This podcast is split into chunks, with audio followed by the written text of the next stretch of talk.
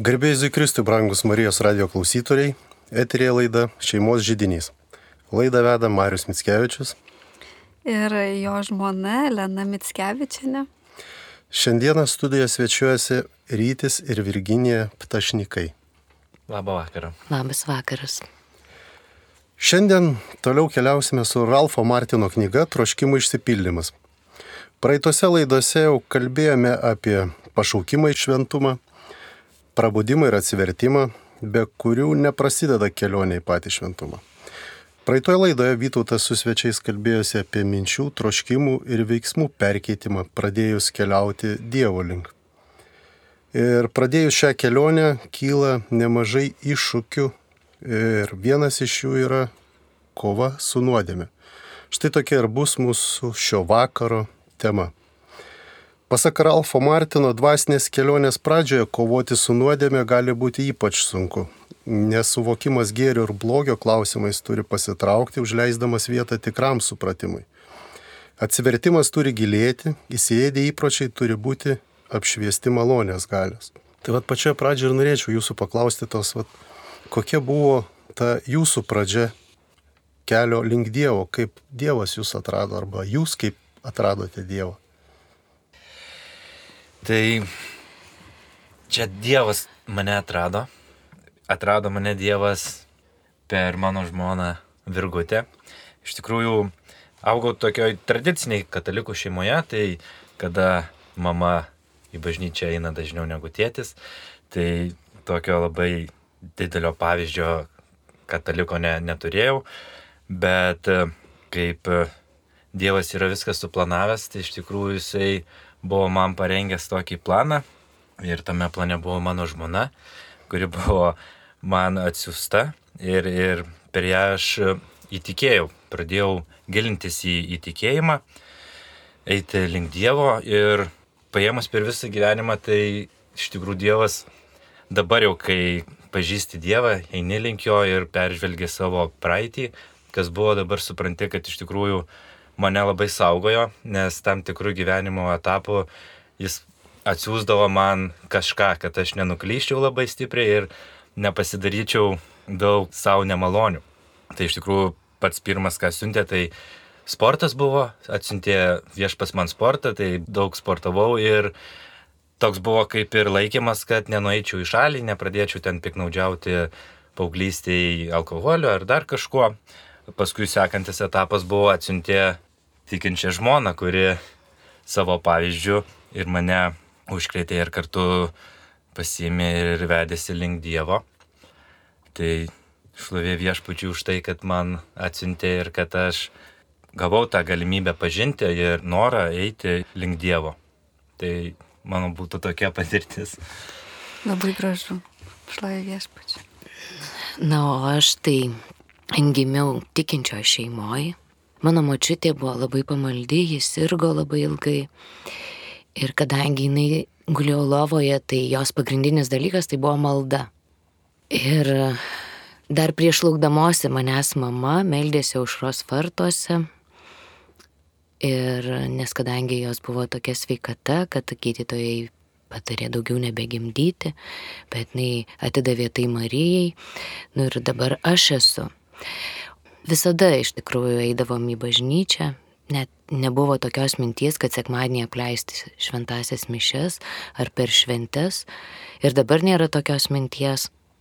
Paskui mačiau žmonės, kurie tokie buvo labai laimingi bažnyčioje. Galvoju, ir aš noriu būti tokia laiminga, tokie visada šypsosi, ramus viduje. Ir taip atradau maldos grupę. Ir pasinėriau labiau į gyvenimą su Jėzumi. Šlovė viešpačiai. Šlovė viešpačiai.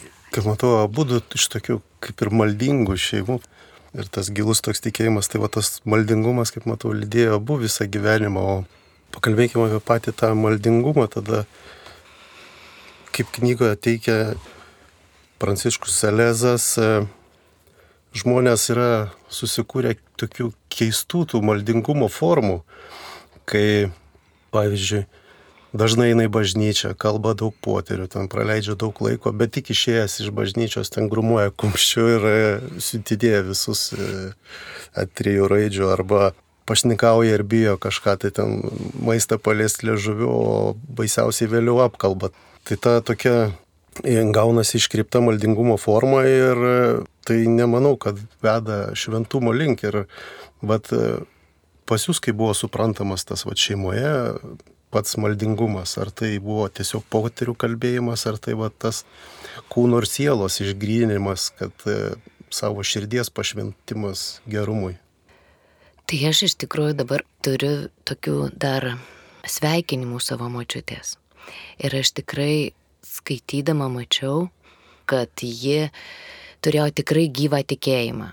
Įmirė, man buvo tik šeši metai, bet aš ją prisimenu su malda ir labai tokios gražios, šviesios atminties jinai man ir su begalinė meilė. Tai o mes gyvenom kaime, atvažiavom gyventi į miestą ir kaip atvažiavom gyventi į miestą, mums labai pasisekė tas, kad bažnyčioje pas mus buvo kunigas Antanas Gražulis ir jisai būrė aplinkui jaunimą. Tai mes tapom, aš turiu brolį ir sesę, tai eidavo brolis patarnauti mišiom, mes su sesė tapom adorantės, mus kviesdavo į susitikimus, tai tie susitikimai tikrai ne visada būdavo vien tik tais maldingi, tai būdavo ir vasarą žaisdavom ir futbolą, ir, ir krepšinį, taip pat švesdavom ir šventes, atvažiuodavo iš kitų parapijų jaunimas. Tai taip formavo, o namuose mes visą laiką tokias kaip ir, nu, poterius kalbėdavom, o pati malda savai žodžiais, jie atėjo po ilgesnio laiko, kad pradėjau melstis. Ir daugiau buvo prašymai. Vėliau, vėliau jau, kaip eini arčiau Dievo, tai ir širdis atsiveria. Ir Dievas atsiveria labiau.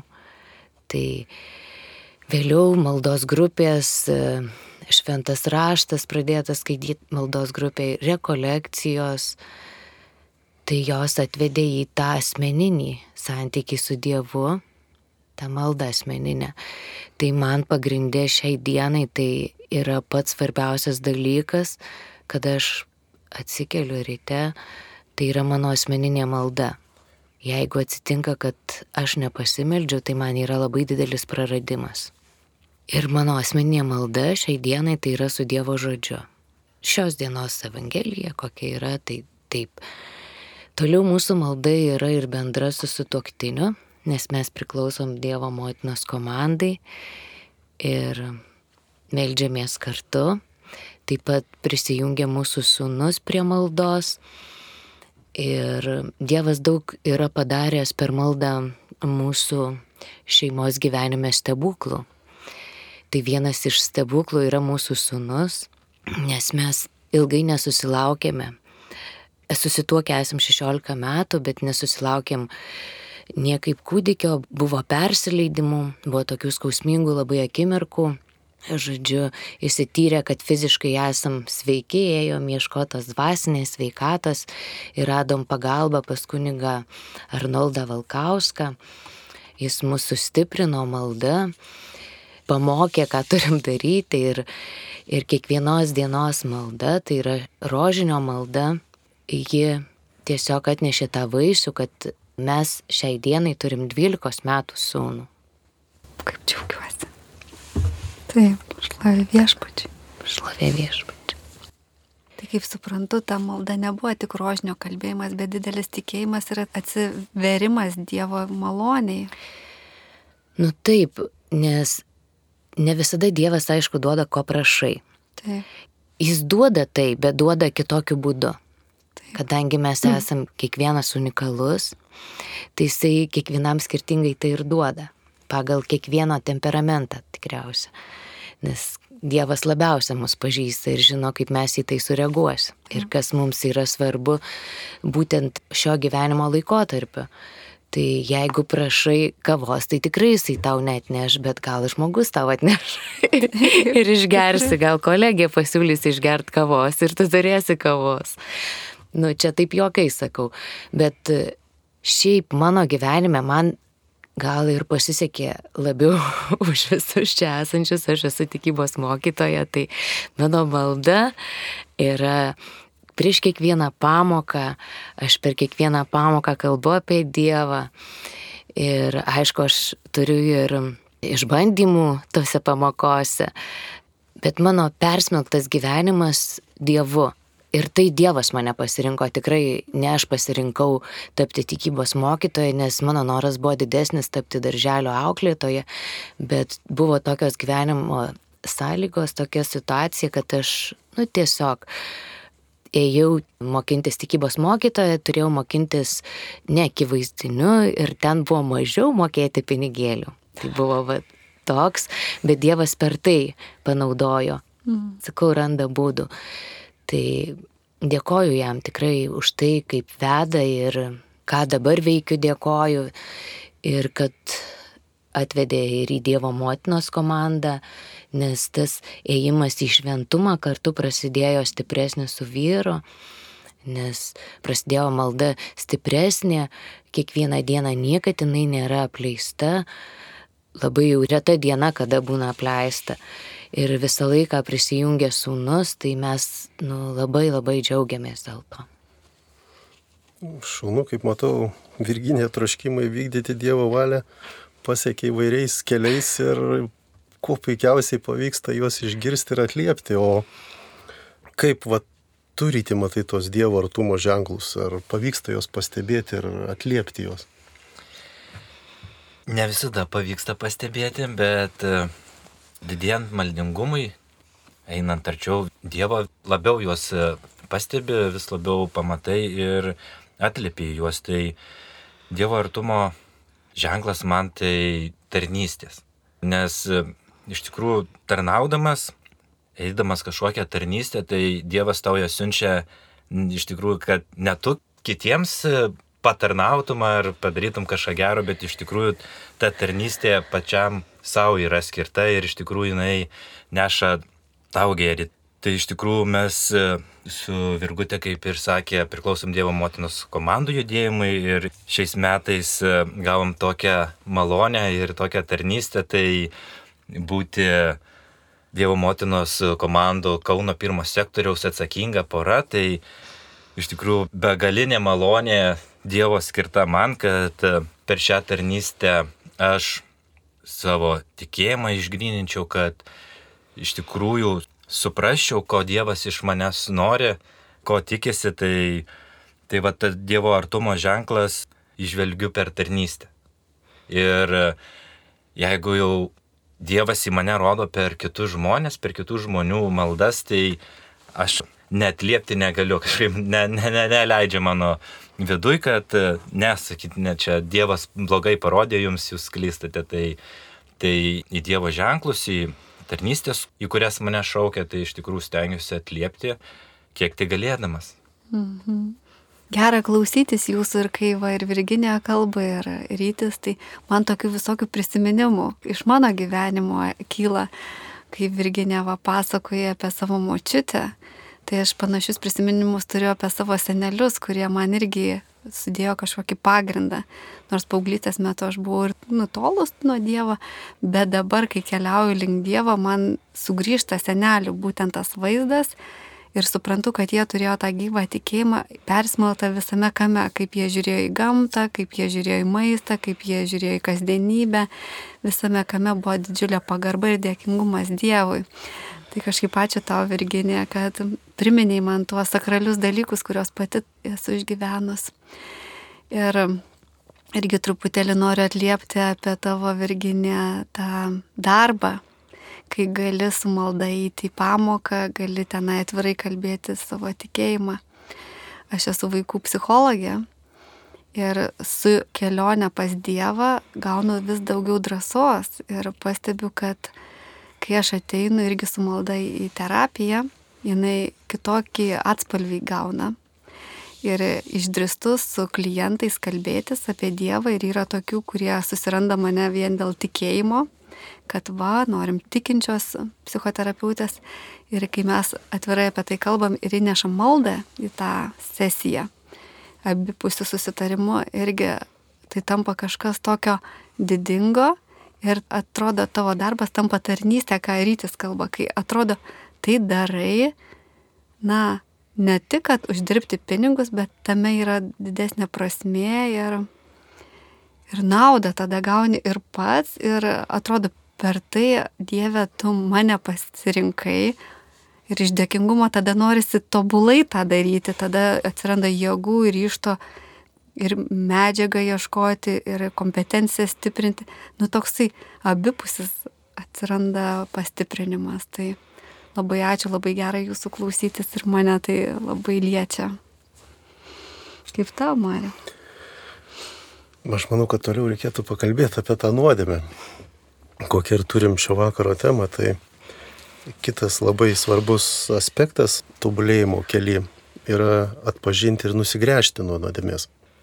Ir manau, kad tas tikrasis atsivertimas ir kelionė net negalėtų prasidėti nenusigręžus ir net pažinus ir nenušvietus proto tą tikrąją tiesą, kad suprastume, kur yra gerai, kur yra negerai. Ir kaip siūlo va, šventasis Pranciškus Selezas tokiems grįžtantiems iš pasaulio įtikėjimą arba nesenai suradusiems Dievą atlikti taip vadinamą viso gyvenimo išpažinti. Ar yra tekę apie tai girdėti, o gal ir atlikę esate? Aš esu atlikus ir, ir jau ne vieną kartą viso gyvenimo ir vis dar atsiranda, kad kažko galbūt esu netlikus, neišpažinus. Tai vyksta per rekolekcijas. Šiaip nesu niekada taip sugalvojusi, kad, vad, man reikia atlikti išpažinti, bet tiesiog galbūt tai ir linkme eidavo tos rekolekcijos, kad pažinimo savęs, prisiminimo savo nuodėmių, atpažinimo savo nuodėmių.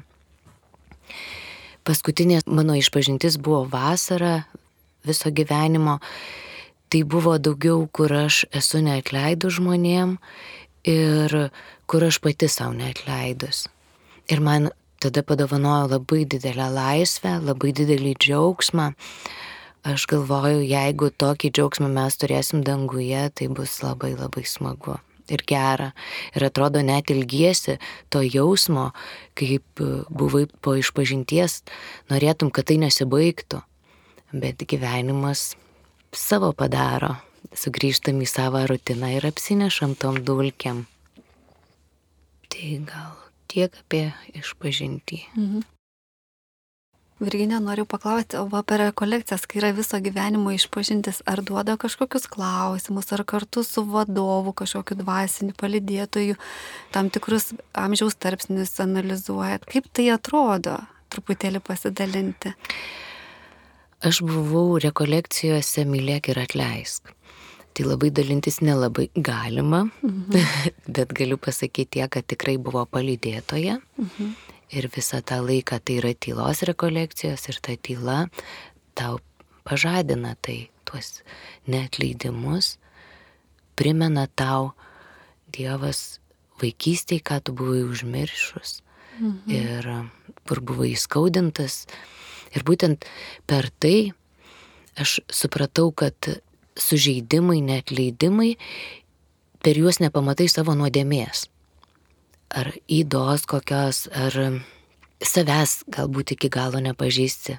Nes sako, pažinti save, tai visas gyvenimas ir aš tuo iš tikrųjų tikiu, nes man pačiai savo atradimų yra labai daug. Pripažinau pati savo būtent ten tose rekolekcijose, kur žmonės man sakydavo, kad kažkas yra, o aš galvodavau nesąmonės kalbą pripažinau savo, kur galvodavau, kad aš nepavydžiu. Ir taip džiaugiausi, galvojau, o kaip gerai, aš bent šito neturiu, visko turiu, bet va čia, va tai tikrai neturiu. Ir paskui man plaukė tokie prisiminimai, kaip bandėm susilaukti vaikelio, aš net jausdavau širdį tokią lyg pagėžą. Tai bet juk aš turėjau pasto Dievę, kas čia dabar yra. Čia aš turėjau turėti tą vaikelį. Kodėl čia jinai tokį jaučiau, nu, toks nemalonus jausmas. Supratau, kad nemoku pasidžiaugti kitų žmonių laimėjimais, galvoju, kas čia tokio ir aš taip galiu, bet neinu ir nedarau to. Mhm. Ir va šitoj vietoje tai yra pavydas. Ir dabar vis kaip melžiuosi ryte, asmeniniai maldo ir taip jaučiu, kad Dievas kiekvieną kartą nori man atverti savo lobius ir atverti man, kur aš turėčiau tobulėti. Tai vis laukiu kiekvieną rytą, ką parodys man Aha. šiai dienai. Tai tarsi tas viso gyvenimo išpažinti ruošia pats Dievas, ne? Vis Manau, kad taip. truputėlį Manau, kad atskleidžia, taip. atskleidžia. kad jisai taip paima ir išlūkštena tarsi tave. Nes pačiam gyvenant tokiam laikotarpį skubiam, viskas sukasi, tai man atrodo mes skubam ir sustot yra tikrai tik tais, nu, maldoje. Čia aš taip manau, kad maldoje tai rytas sustojimas prieš visus darbus ir vakaras apmastant, ką tu nuveikiai ir kaip nuveikiai. Ačiū labai. O kaip tau ryti? Na, aš tokios viso gyvenimo išpažinties neturės, nesu atlikęs. Ir aš galbūt e, neturėjau to atsivertimo tokios taigaus, kada iš netikinčio patapau labai tikinčiu. Pas mane viskas vyko palaipsniui. Metai iš metų ėjo ir maldingumo praktika vis keitėsi, vis jinai gilėjo. Ir šiai dienai tai ta visų gyvenimo išpažintis jinai tebe vyksta, nes per gyvenimą viešpats jisai vis tiek apreiškia, primena tau, ką tu esi padaręs, ko esi neišpažinęs ir kas tau trukdo tobulėti kaip asmenybė, nes aš galvoju, kad nuodėmė tai jinai sukausto tave viduje ir tau neleidžia skleistis kaip asmenybei, tai kars nuo karto viešpats primena man, parodo, kur aš dar esu neišpažinęs, kokių nuodėmių ir, ir laikui bėgant aš jas vis išpažįstu. Bet kad e, taip vienu prisėdimu pamastyti, e, ką esu per savo gyvenimą nuveikęs, kaip esu viešpatį skaudinęs, tai to nesu atlikęs. Ir manau, kad kaip ir sakė Elena, kad pats viešpats tą išpažinti ruošia, tai aš manau pagal kiekvieno mūsų tikėjimo stiprumą ir ruošia. Matyt, mane veda link to vis tikėjime, kad atvirtėjau, tada man atveria mano padarytas kažkokias nuodėmės, kuriuos aš esu neišpažinęs. Tai taip veda, aš galvoju, viešpats mane per gyvenimą ir, ir tą viso gyvenimo išpažinti visą atlieku ir galiausiai tapsiu šventas. Šaunu, tai čia vad kaip ir turime mes tą vad kitą būdą kovai su nuodėme, tai tą sutaikinimo sakramentą. Bet kaip žinom, jis efektyvus būna tame tik tais, kai jam nuoširdžiai nusiteikę ruošiamės ir kai iš tikrųjų norime nusigręžti nuo nuodėmės. Ir toks vat, būtų paprastas klausimas, ar kai pastoviai einame iš pažinties, tai netampa tokiu tradiciniu nuodėmių sąrašo vardymu. Aš asmeniškai išpažinti priimu kaip gydymo sakramentą. Tai yra mano sielos gydimas, mano širdies. Tos nuodėmės tikrai kartojasi, bet jų ko gero mažiau. Nes nukirsti yra labai sunku. Ir prašau Dievo pagalbos, bet manau, kad ateis laikas ir bus viena išrauta, kita išrauta nuodėmė visiškai. Ir kaip aš prieinu iš pažinties, man tikrai yra gera. Ir ne visada tai priklauso nuo kunigo, ką jisai man patars, bet aš einu su tuo, kad man tikrai kaip eini pas gydytoją ir tau duoda vaistų pasveiksti, tai aš einu čia. Ir tas periodas yra maždaug mėnesis, būna kartais trumpiau, kartais ilgiau, bet tikrai nei pusę metų kartą. O kaip tau ryti? Kas be nuodėmės, meskite į mane akmenį. Aš manau, kad e, iš tikrųjų mes turim abi dvi pusės. Iš Adomo turime gimtąją nuodėmę tėvų, kurie neatsilaikė ir, ir turime Jėzų Kristų, kuris e, atėjo ir atpirko mus iš nuodėmės virgijos. Tai ta kova su nuodėmė, jinai ko gero nepaliaus visą laiką, kol būsiu gyvas. Ir Dievo duotas pasirinkimas, pasirinkti gerą ar blogą, tai ta kova pastoviai ir vyksta. Tai aš esu žmogus, mirtingas, nuodėmingas iš prigimties ir, ir su ta nuodėme tenka kovoti ir čia nieko jau nebepakeisi. Tai palikti yra viešpaties sakramentai mums ir vienas iš jų tai atgailos ir sutaikinimo sakramentas, išpažintis. Tai per išpažinti aš susitaikau su viešpačiu.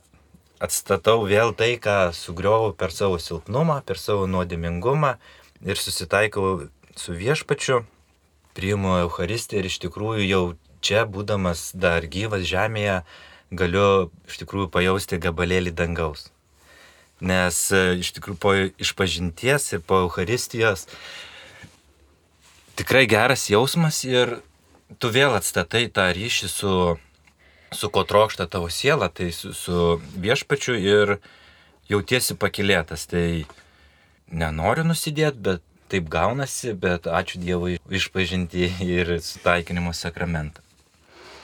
Klausiausi ir galvoju, ir jau senai tą kaip ir savo pasakiau, atpažinau, kad koks Dievas yra jautrus. Jisai nepasako, va, atsivertai, tai dabar žiūrėk, viso gyvenimo tau nuodėmės čia ir dabar, ne? Ne, jis po truputėlį, va, lūkštena ir sako, žinau tavo trapumą, žinau tavo nuodėmingumą, aš esu kantrus, žinau, kad viskas bus gerai ir leidžiu tau taisytis. Ir lygiai taip pat jis, nu, žino mūsų prigimti tą, va, kaip rytis sakai, nuodėmingumą ir kad, na mes tengiamės, nu norim, nu tikrai po išpažinties išeini ir galvoji, nu šiandien tai tikrai būsiu geras. Po valandos, o jau prisidirbau, ne. Tai jisai žino šitą mūsų ribotumą ir jisai suteikia mums visokių įrankių, kad vėl sugrįžti ir vėl sugrįžti ir jisai kviečia ir vis kviečia, kad, na, atviros tos duris, kaip šventajame rašte to palaidūno sunaus tėvas laukia atvirom durim. Tai man tas Dievo jautrumas ir kantrybė mūsų atžvilgių, man taip gera. Ir pati turėjus visokių tų tarpsnių, kaip išpažinti eiti. Ir man naudingiausia tai yra kas dvi savaitės reguliariai. Tai tarsi tokie kertiniai stulpai, kurie man neleidžia kažkur per toli nukrypti ir jeigu per dažnai, tai gal tokių jau skrupulingumo atsiranda kurie gal net vargint pradeda. O jeigu pastebiu, koks mėnesis užtrunka, tai jau už tam tikras nuodėmės priemu kaip normą. Na, nu, kažkur čia, ai, nu čia gal ir nieko tokio. Tai va, tai kažkaip savo pastebėjau, kad su dvasiniu vadovu, kai susitinku kas dvi savaitės, man tai yra toks tikrai augimo ir gydimo sakramentas. O aš pastebėjau tokį dalyką, kad išmokus atsispirti tai nuodėmiai, vis tiek pas mus dar lieka toks polinkis į nuodėmę. Tai kai mes nusigrėžiam nuo nuodėmės, bet lyg su malonumu prisimenam apie tą buvusią nuodėmę, kaip tai būtų kažkas tokio, vat, kaip pavyzdžiui, ten jaunystėje ir dabar sėdėjau, o kaip tada ten būdavo fainai tą, bet aš jau dabar to nebedarau, nes jau man tai ir sąžinė, ir tikėjimas kažkaip neleidžia. Bet tu apie tai prisimeni kaip su malonumu tokiu. Arba kaip koks vyras ar moteris anksčiau daug svetimavo, o paskui visa tai baigėsi ir toliau flirtuoja. Kaip ir prie veiksmų neprieina, bet vis dar toksai, vat, net apie tai ir šventam rašte anksčiau rašyta buvo, kad kai izraelitis išėjo iš Egipto. Vis tiek dalis jų liko prisirišę prie Egipto arba Loto žmona išeidama, nu neištvėrė, atsisuko pasižiūrėti atgal, kas ten vyksta. Tai pas mus vat, ir vyksta vis dar ta dėrybo su Dievu ir sąžinė, kad, na, aš nebenusidėsiu, bet leis nors pauosti, nors paliestą, vat, pažiūrėti tą nuodėmę. Tai vat, ar kyla jums tokių sąžinės dėrybų? Man buvo labai nuostabu, kai šitą knygą skaitėm su vyru ir diskutavom ir šitą dalį atradom kad tarsi prisirišę esam prie nuodėmės. Niekad negalvau, kad tai yra nuodėmė. Ir tada taip dar ir su dvasios tėvu kalbėjau, sakau, negalvau, kad tai nuodėmė. Sako, tu niekad neklausai, tai nuodėmė. Toksai, tai aš supratau, kaip yra svarbu vis dėlto skaityti tas šventas knygas, šventą literatūrą apie šventuosius, apie jų išminti, kad, na, kartais mes tiesiog net neturim žinojimo, kas tai yra nuodėmė. Tai labai smalsu, kaip jums, va, tas pažinimas nuodėmės kaip. Tai ta nuodėmė, piktasis e, įvinioja nuodėmę į labai gražų, blizgantį pakelį ir, ir kai nebuvau įtikėjęs, ne, nesupratai iš tikrųjų, kas, kas yra nuodėmė, kas nenuodėmė.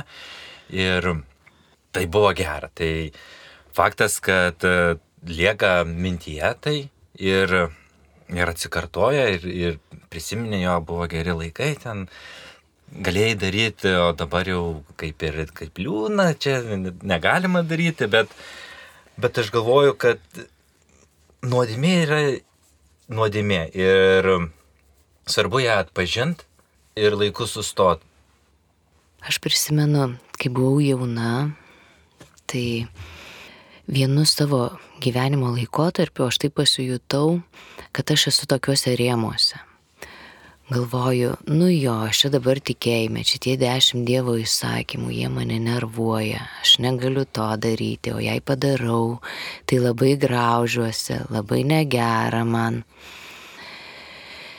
Ir tik vėliau, pažinus labiau Dievą, po ilgesnės tos kelionės su Dievu supratau, kad tie dešimt Dievo įsakymų tai padaro mane laisvą.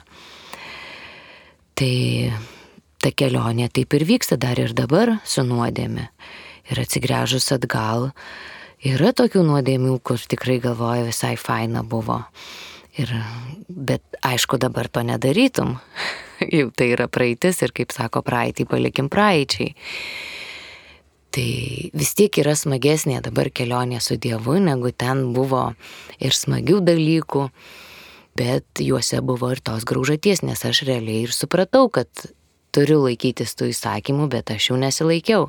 Ir atrodė taip, taip sunku man, o dabar kaip suprantu, kad tai neša man laisvę, dovanoja laisvę, dešimt Dievo įsakymų, tai aš, nu, esu laiminga dėl to ir stengiuosi nedaryti nuodėmių, bet aišku, visko ir dabar dar yra. Ir nemažai yra, bet tikiuosi tą kelionę, tą kelią laimėti kartu su vyru. kelionę pas viešpatį, tai yra siekti to bendro tikslo, bendro šventumo. Draugė. Taip. Ir va, ką pastebėjau, tai tas piktasis tarsi mums susuka protą. Sako, jei laikysies įsakymų, tai tarsi tave priboja Dievas. Ir žmonėms baisu kartais darosi, ha, ir to negalima, ir to negalima, ir čia blogai, ir čia blogai. Ir tas pereinamasis laikotarpis būna, kol patiki, kad tai laisvina. Ir kai tu, na, laikaisi, tarsi dedi pastangas, o po to tampa natūralu nedaryti nuodėmės tam tikros, atsiveria tokia laisvė, toks lengvumas.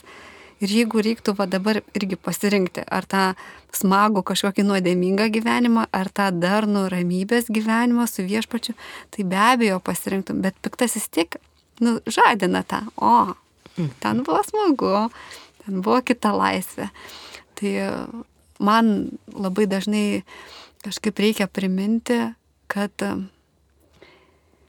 ir aplinkoje paliudyti, kad tai nėra apribojimas, tai yra kaip tik išlaisvinimas, išpažintis ir kova su nuodėme, kad kai mes savo aistras tarsi pakinkome, pradedame jas valdyti, tai mes tada skriejam tuo keliu ir labai gera būna.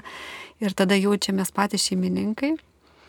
Ir aišku, kai esame su Dievu, žinome, kad ne už viską esame patys atsakingi, kad Dievas labai daug už mus stengiasi, kad mums būtų gera, kad mūsų džiaugsmui nieko netrūktų. Tai, nu, tokia palaiminga būsena.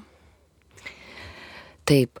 Ir dabar ne per seniausia mes čia keliavom į Italiją, turėjom piligriminę kelionę.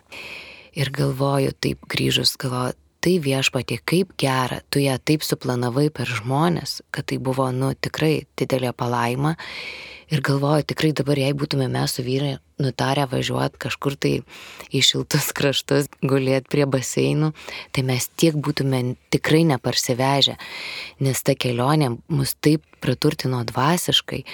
Tai buvo kelionė su šventaisiais, tai buvo tokia mūsų kol kas galima pavadinti gyvenimo kelionė drauge su vyru, nes pirmiausia, ko mes labai ir norėjome, tai aplankėme palaimintojį karalį Akutį. Meldėmės prie jo karsto. Tai buvo, nu, aš nežinau, toks jausmas, net negaliu jo išreikšti, tai atrodo, negaliu patikėti, kaip sako, akivaizdu, bet neįtikėtina. Matai žmogų, kuris guli visai nesuiręs. Ir aš ir knygą skaičius ir, ir pas mus Alitoje yra kaip tik palaimtojo Karolio Kučio relikvija. Tai mums buvo nu, kažkas nuostabaus, toks įvykis nuostabus atrodo būti prie to karsto ir neišeiti. Mhm. Ta didelė palaima. Aplankėm Švento Pranciškaus baziliką, aplankėm Klarą, aplankėm Šventą Sebastianą, aplankėm Šventą Benediktą. Ir vaikščiojom Italijos gatvėm ir galvoju, kaip gera, kad aš čia atvažiavau ne kaip piligrimė, nes Dievas tikrai tiek įdėjo ir tiek nuostabių dalykų pamatėm. Ir ta pati tokia nuostabi buvo kelionė, taip Dievas ją visą laimino, viską sudėliojo. Tai tikrai esam toj pagauti su viešpačiu ir į tokias keliones pramoginės gal ir labai ir nenorėtume nukeliauti. Kaip pasikeičia, ne tas požiūris. Tai va būtent, mhm. kai pasikeičia vertybės tos ir atrodo, va žmonės buvom aišku ir prie to fontano, bet viskas nublanksta nublanksta visi šiti šventieji ir, ir buvimas tose šventovėse, galvoju, kaip didingai Dievas sukūrė žmonės, kokie jie nuostabus ir kiek jie gali visko padaryti, kokie jų yra meniniai kūriniai. Tai yra toks nuostabus Dievas, kad atrodo ir toks neapriepiamas, kad ir nepaliauja stebint. Per žmonės, per įvykius, per daiktus. Tai tikrai labai nuostabu. Tai vad džiugu, kad atsiduodat Dievo vedimui ir esate tokiam palaimintam gyvenime su juo, jis tikrai, manau, tada ir padeda kovoti su tą nuodėmę ir labiau jai atsispirti. O mūsų laida keliauja į pabaigą. E, norėčiau tik priminti klausytojams, kad šiandien pas mus svečiuose buvo Virginija ir Rytis Tašnikai ir kalbėjome apie kovą su nuodėme. O laidą pabaigti norėčiau šiais Pranciškaus Selezo tokiais žodžiais, kad nuskaistinimo procesas tęsis visą gyvenimą. Todėl nereikia per daug bijoti savo netobulybių ir silpnybių, nes tobulybė glūdi ten, kur kovojame su savo netobulybėmis. Ir mes esame laimingi toje kovoje. Kol kovojame, visada laimime. Tai vad svarbiausia nepasiduoti. Su Dievu. Su Dievu. Su Dievuliu. Sudie.